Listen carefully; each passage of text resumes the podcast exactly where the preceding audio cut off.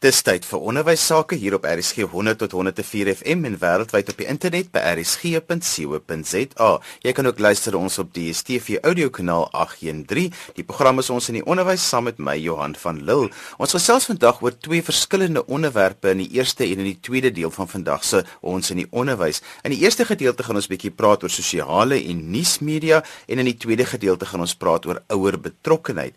Nou om oor sosiale en nuusmedia te gesels het ek vir Pieter Kron J en hy's 'n kommunikasie en bemarkings en sakegroei strateeg. Pieter, baie welkom by ons in die onderwys. Dit is altyd lekker om met jou te gesels. Dit is lekker om gedagtes te deel. Pieter, kom ons praat oor sosiale en nuusmedia. Hoekom het dit skielik belangrik geword vir skole om hieroor te dink? Al wat ek kan kan dink is as 'n mens dink wat in die afgelope tyd alles in die nuusmedia was oor sosiale media wat um, baie dinge wat problematies by skole was uitgelig het. Dis inderdaad so. Die sosiale media het vir ons ewe skielik 'n geweldige ryk wyte en 'n vermenigvuldigingsfaktor bygesit by ons normale nuusvloei. As 'n mens dink jare gelede as jy jou stem gehoor wou word, buite jou eie kring moes jy daar by Speakers Corner by Hyde Park gaan staan en op 'n seepkus klim en dan vir die wêreld jou nuus verkondig. Deesdae doen jy dit van jou slimfoon, van jou uh, van jou voorstoep. En daar is ook 'n samevloei van die tradisionele nuusmedia, naamlik radio, koerante en televisie en ook aanlyn en die sosiale media. Wat ek daarmee bedoel, een onverantwoordelike tweet met 'n rassistiese of aanstootlike inslag word sommer 'n hoofberig in die koerant of op radio of televisie. So dit is nou hoogtyd dat skole daarop bedag is dat hulle sosiale media beeld is deel van hulle skoolse beeld en hulle moet dit met omsigtigheid en insig hanteer. Pieter het soms maar net dink onlangs wel in ek die hele jaar was daar soveel kere wat daar boelie gedrag eh, met 'n videokamera het op die foon by die skool vasgevang is en dan word daar word 'n insident wat eintlik intern hanteer moet word word dan sommer 'n nasionale insident. Dit is ongelukkig so. Ehm um, of daar die skeidslyn tussen wat in die klaskamer, wat in die skool en wat privaat gebeur het verdwyn. Jy's nie net meer 'n leerling van daardie skool of 'n onderwyser van daardie skool nie. Jy is ook iemand met 'n sosiale lewe en wat jy daaroor op die sosiale media sê, word onmiddellik geassosieer met jou skool, met soms jou kerk, met soms jou gesin. So jy kan nie meer in kompartemente lewe eh, lewe nie. En dit is so, 'n mens moet dit amper sien asof jy 'n T-hempie dra met jou naam en jou dan wangedra in 'n kuierplek of dat jy op 'n verhoog staan met 'n mikrofoon. Ewe skielik het jy 'n gehoor van 2000 of meer wat na jou luister. So jy kommunikeer nie net met jou eie volgelinge, jou vriende of jou uh, jou ander genote op sosiale media nie.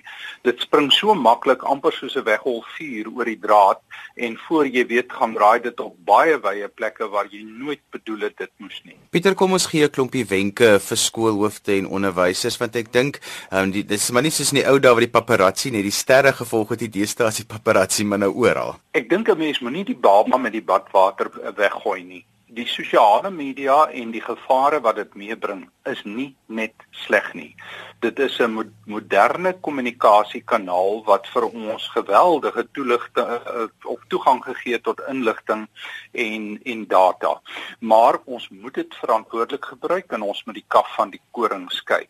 Ek dink eerste wenk is moenie geïntimideer voel deur die sosiale media nie. Dit is soos 'n ligskakelaar. As jy weet waar hy sit, dan kan jy die lig aanskakel. Jy weet hoef nie te weet hoe elektrisiteit opgewek word nie. So raak betrokke by die sosiale media. Leer wat dit is. As jy uh, as jy wil, gaan kyk op Google en gaan soek wat beteken Instagram of Snapchat of Facebook gaan leer meer daaroor of vra 'n leerling of 'n kundige om dit vir jou te demonstreer. Gebruik dit verantwoordelik. Ehm um, dit is, wat jy doen wanneer jy byvoorbeeld onder die invloed van drank bestuur kan die res van jou lewe beïnvloed en ook iemand andersin. En dis so sosiale media pos bly amper vir altyd staan wat selfs al verwyder jy dit is daar 'n skermgreep van wat jy gesê het. So gebruik dit verantwoordelik, gebruik dit oorwoe, moenie in die hitte van 'n oomblik of in die vreugde van 'n kuier of 'n braaivleis gesels ewe skielik nou net iets op sosiale media gaan sit nie want môre as jy nugter en in die lig daarna kyk, mag jy dalk skaam wees vir wat jy gedoen het. Dan die belangrikste ding is, wat is die reëls wat ek neerlê vir die kinders want dit help jy sê vir hulle jy mag nie goed in die skool afneem nie want hulle gaan dit in elk geval doen. Dit motiveer hulle net meer om dit te doen. Ons moet leer om nie vir kinders te preek nie. Ek bedoel uh, hulle het al 'n paar keer gehoor oppas wat jy op die sosiale media sê, dit kan die skool se name gedrang bring, dit kan jouself in die moeilikheid laat beland en eendag gaan dit op jou CV of afgesien van wat op jou CV staan, gaan jou toekomstige werknemer of die universiteit ook kyk wat het jy op sosiale media gesê. Ons sal vir moet voorlig deur stories, met ander woorde relevante verhale wat op daardie oomblik nuuswaardig en aktueel is. So ons sal vir hulle moet sê Het jy gesien wat Steve Hofmeyer gister getweet het? Onmiddellik het jy aanklank by die kinders want hulle weet, jy weet wat aangaan op sosiale media. Voorbeelde en stories het baie groter trefkrag as 'n preek of 'n vermaaning. Sosiale media en ons kan maar WhatsApp insluit het baie positiewe voordele. Dit is 'n goeie kommunikasiekanaal. Maar ons moet aan die hand van voorbeelde en werklike stories moet ons vir kinders help om te begryp dat Google is nie 100% wetenskaplik nie. Daar's foute, daar is menslike standpunte. So internet en Wikipedia is nie wetenskap nie, dis nie feite nie.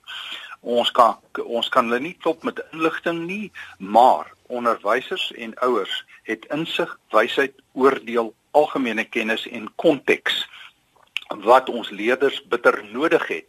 En as hulle in 'n vertrouensposisie uh staan met die kinders oor sosiale media en praat daaroor en relevante voorbeelde aanhaal, kan hulle hulle oneindige waardevolle leiding gee om dit verantwoordelik en korrek te gebruik. Ja, want vir my is dit amper net 'n ingesteldheid wat almal by die skool moet hê.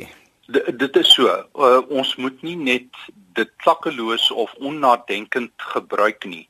Dit is soos goeie tafelmaniere. Hoe eet jy? Watter eetgerei gebruik jy en watter glas gebruik jy en hoe bestel jy en geniet jy kos? Net so moet jy leer wat is die moets en moenies van sosiale media en ek dink die groot reël is as jy enigsins twyfel of as jy bedenkinge het moet dit liewer nie plaas nie. Laat dit oornag net so 'n bietjie in die soutwater lê en kyk môre daarna en besluit of jy dan nog 'n bydrae wil lewer. Die grootste probleem kom wanneer ons uit die heup op die ingewing van die oomblik en uit emosie. My gas was Pieter Kronje en hy's 'n kommunikasiebemarkings- en sakegroei strateeg. In die tweede gedeelte vandag gesels ons oor ouer betrokkenheid en daarvoor het ons gaan besoek af lê by Dr Pedro Ferreira van die Laerskool Parowes. Die skool is volgende jaar 50 jaar oud. Ons het 1000 kinders op die perseel. Die skool het weggetrek in 1968, is 'n parallelmedium skool, Afrikaans geword op 'n stadium saamgesmelt met Parow Sentraal en ons is tans so 80% Engels, 20% Afrikaans met al sy uitdagings en lyk vir my ons is op pad om na 'n Engelsskool toe te gaan. Betrokkenheid van ouers. 'n Mens kan seker betrokkenheid van ouers op verskeie maniere eh, bekyk. Finansieel, ondersteunend uh, in alles wat gebeur by skool, ondersteunend aan die kind as 'n individu, ondersteunend aan die sportspanne ensovoorts ensovoorts. So ek dink dis 'n as 'n ou die rol van ouers nou wil kyk is baie breed. Dis nie net enkelvoudig nie. Ons sosio-ekonomiese agtergrond maak dat ons redelik ons uh, ondersteuning van ons ouers finansiëel kry. Uh ons ekstra goedertjies soos kermisse en sportdae word baie baie goed ondersteun en en konserte. O, oh, die mense is mal daaroor. Ondersteuning met die akademiese kant is en bly maar 'n probleem.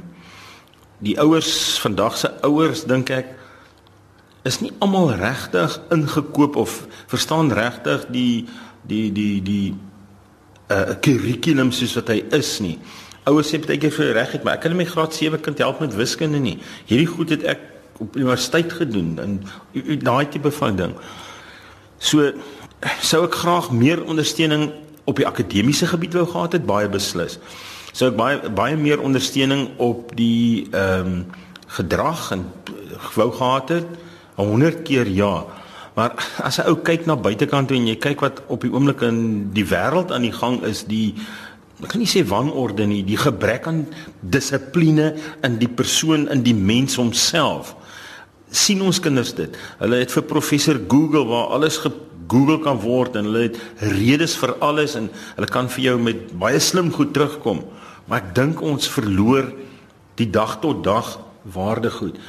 In kort, ek sou bitter bitter graag wou gesien het dat ons ouers sê hier sê ek ek is elke dag beskikbaar vir my kind. Baie van ons ouers is nie beskikbaar vir sy kind nie. Hy's op 'n vliegtyg oor see. Hy's besig om te werk in 'n ander plek. Hy is oorleef so van dag tot dag. Hy kom 6:00 vanoggend uit die huis en kom vanaand 7:00 of 8 terug. So ek dink daai deel mis ons. By die skool moet ons dan daai probeer opvang. Maar ehm um, sou ek graag meer betrokkeheid van die ouers wil hê altyd. En op op al die gebiede, maar ek weet nie regtig hoe nie. Hoe kry julle dit reg dat ouers byvoorbeeld ouer aande bywoon want ek weet dit is 'n algemene klagte dat die ouers wat die ouer aande moet bywoon, hulle daag nie op nie. Ja, dis een van daai verskriklike moeilike uh uh goed. Ons stelsel is waar ons op 'n baie gereelde basis met die ouers kontak het uh om te kyk om hulle in te kry. Ons het weggedoen op 'n stadium met die groot vergadering in die uh, saal en uh, onder, die ouers het direk na die uh, ou onderwysers se klas toe gegaan. Dit het nog 'n baie interessante spin-off gehad. Jo, my Afrikaans is vrot. Uh in die sin dat ewe skielik het ons meer ouers gehad. Ja, hulle wil nie hamdram van die skoolhoof hoor nie want gewoonlik klaar die skoolhoof vir skoolgeld en al daai tipe goed. Nou gaan hy reguit klas toe en hy kry jou kind sit daar in daai bank, sit sommer op jou kind se bank. Hier is die werk wat gedoen word. Maar dit is nou bietjie besig om nou meer ou nuus te raak want ons ouers is nou te lank in dit. So ons nou weer iets nuuts probeer. So volgende jaar gaan ek nou weer kleiner ouer aande hou waar ek die assessering op die bord gaan sit en vir die ouers aan hand daarvan vir 10 minute net gaan wys sou jou kind nie mondeling doen nie. Sou jou kind nie dit nie. Dit is hoe die punt affekteer. So ek het dit so ruk na Junie maand eksamen het ek so 102 ouers genooi waaromtrent almal opgedaag het en toe hulle sien die uitwerking waar sy kind sê maar ek handig nie my taak in nie. As hy daar 'n 1 of 'n 2 of 'n 0 kry, hoe lyk sy punt? En deur net dit te doen, ewesklik en daai kinders se werk het onmiddellik weer geklim. So ek hoop om volgende jaar dit by te bring. Ek is nie geneig daarvan ek hou glad nie daarvan om ouers gevangene te hou nie. Met ander woorde sê, jy kan net op daai aand jou rapport kry of of die kinders wat as die ouers hier is vanaand mag môre met servies kom of 'n kinder roomys kan nie. Ek glo nie daarin nie. Dis omkoop. 'n uh, Mens moet kom omdat jy van binne af wil kom en dis deel van die dissipline uh uh proses wat ons by die skool het. Hierdie goed moet intrinsiek wees. So, nou kom ons kyk wat gebeur. Ons sit op hierdie stadium nie sleg nie. Dan ons individuele ouer afsprake uh ons kry so 80% van die ouers wat afsprake maak. Dan is er hier en daar een wat nie opdaag nie. Uh dit is natuurlik 'n ding wat my mal maak. Ek bedoel die ouers sê net vir my hy was besig met iets anders. Wat kan jy daaraan doen? Jy kan hom nie forceer nie. Maar ons papierwerk, ons is redelik aan die gang daarmee. Ons stuur die vier rapporte en dan stuur ons in die middel van elke kwartaal vir die kinders wat sukkel gedrag en akademie stuur ons dan wat ons noem 'n interim rapport wat die ouer teken en terugbring. So ons het kontak. In 'n stadskonteks, hoe hou 'n skoolhoof kontak met die ouers en optimaliseer daardie kontak? Want in 'n platlandse konteks is dit 'n klein bietjie makliker. Stadskonteks is die ouers baie keer gesigsloos. Dis baie waar en Die die enigste kere wat ek meeste van die ouers sien is tydens 'n kermis, tydens 'n konsertopvoering, tydens 'n uh, uh, sportwedstryde. Die een een ding wat ons by ons skool spesifiek vind is dat ons konsert, ons konserthou die slag. Ooh, mense, dan is daar tot tot 2000 mense oor die 4 aande kom kyk. So jy dan redelik kontak en dis snaaks dan kom praat hulle met jou in te kere. Om die ouer op op gesigwaarde te kry in die stad dink ek is vir my baie moeilik op hierdie stadium. Ons het vandag, nee môre, gaan die 41ste nuusbrief uit na die ouers toe. Ek gebruik doelbewus nie uh die SMS'e en rekenaars en so aan nie. Ek wil hê die ouer moet die ding kon uh, uh, konkreet in sy hande kry. So ja, ons het kontak met elke liewe ouer gesin. Maar die daar is definitief 'n probleem met die die die die gesig uh, uh onderhoud of gesig goed. Wat sleg is, het baie kontak met die kinders wie se ouers ag die kinders wat vir jou probleem het. Daai ouers sien jy nogal redelik baie telefonies. Dis hierdie middel tot sterk groep kinders wie se ouers 'n bietjie wegraak. Die ander ding wat ek gevind het is ouers is ongelooflik besig. So wat ek probeer doen is as ons sport het om te sê die wedstryd begin so laat en hy maak so laat klaar. En ons kommunikeer dit ook na die ander skole want 'n ouer het skuif sy middagete van 0.30 tot 0.4 sodat hy sy kind se sport kan bywoon of wat ook al hy moet kom bywoon. Dan moet hulle nie hier aankom en 0.4 3 kwartier later nie. En uh, ek dink dis maar seker 'n siekte by baie Suid-Afrikaanse instansies. Uh, jou afspraak is 10:00 maar jy kom kwart oor 10, half 11 daar aangestap. Ehm um, ons probeer regtig bly by ons tye sover ons kan. En jy kry tog ouers wat terugkom vir jou sê dit was goed geweest. Goed, nou sien ek miskien nie die ouer nie. Ek sien hom ek weet dis 'n ouer, ek ken hom nie, maar dis een manier om dit te bring. Ek wens daar was 'n makliker manier om almal gelyk hier te kry. Maar ouers werk, deesdae vind ons ma en pa werk, dis baie baie moeilik. Baie keer kom ouers net by die skool as daar moeilikheid is. Hoe nodig is dit vir ouers om by die skool te kom net om meer kontak met die hoof en die skool te hê? En is dit iets wat belangrik is vir jou kind se opvoeding? Dit is so uiters belangrik ek ek weet nie eens waar om te begin antwoord nie want as jy al die ouers kan sien vir 'n goeie besoek wow fantasties spesifiek met die kind se klasonderwyser maar ook dan uh uh, uh met die skoolhoof net die bestuur en so aan. Uh maar is ons as mense maar geneig ag dit gaan goed wanneer laas het ek vir iemand 'n briefie gestuur en gesê of 'n oproep gemaak om wat gereg. Jy weet ou maat ek mis jou. Dis net my sekere vriende wat ek sien. Ehm um, as ou dit kan regkry en ek dink dis waar die plattelandse ouens 'n verskriklike voordeel bo ons het want die kind weet sy pa ken die hoof op die naam en die hoof ken jou pa op die naam en hy weet waar jy bly daai tipe van ding maar uh, ek dink dit is met die moeilike kinders ononderhandelbaar Ek wens ek kon dit dieselfde gesê het vir die res van die kinders. En so gesels Dr Pedro Ferreira van die Laerskool Parow Wes oor ouer betrokkenheid by sy skool. Dis aan alwaar vir ons tyd het vandag. Onthou jy kan weer na vandag se program luister as 'n potgooi. Laai dit af by rsg.co.za. daarmee groet ek dan vir vandag tot volgende Sondag van my Johan van Lille. Totsiens.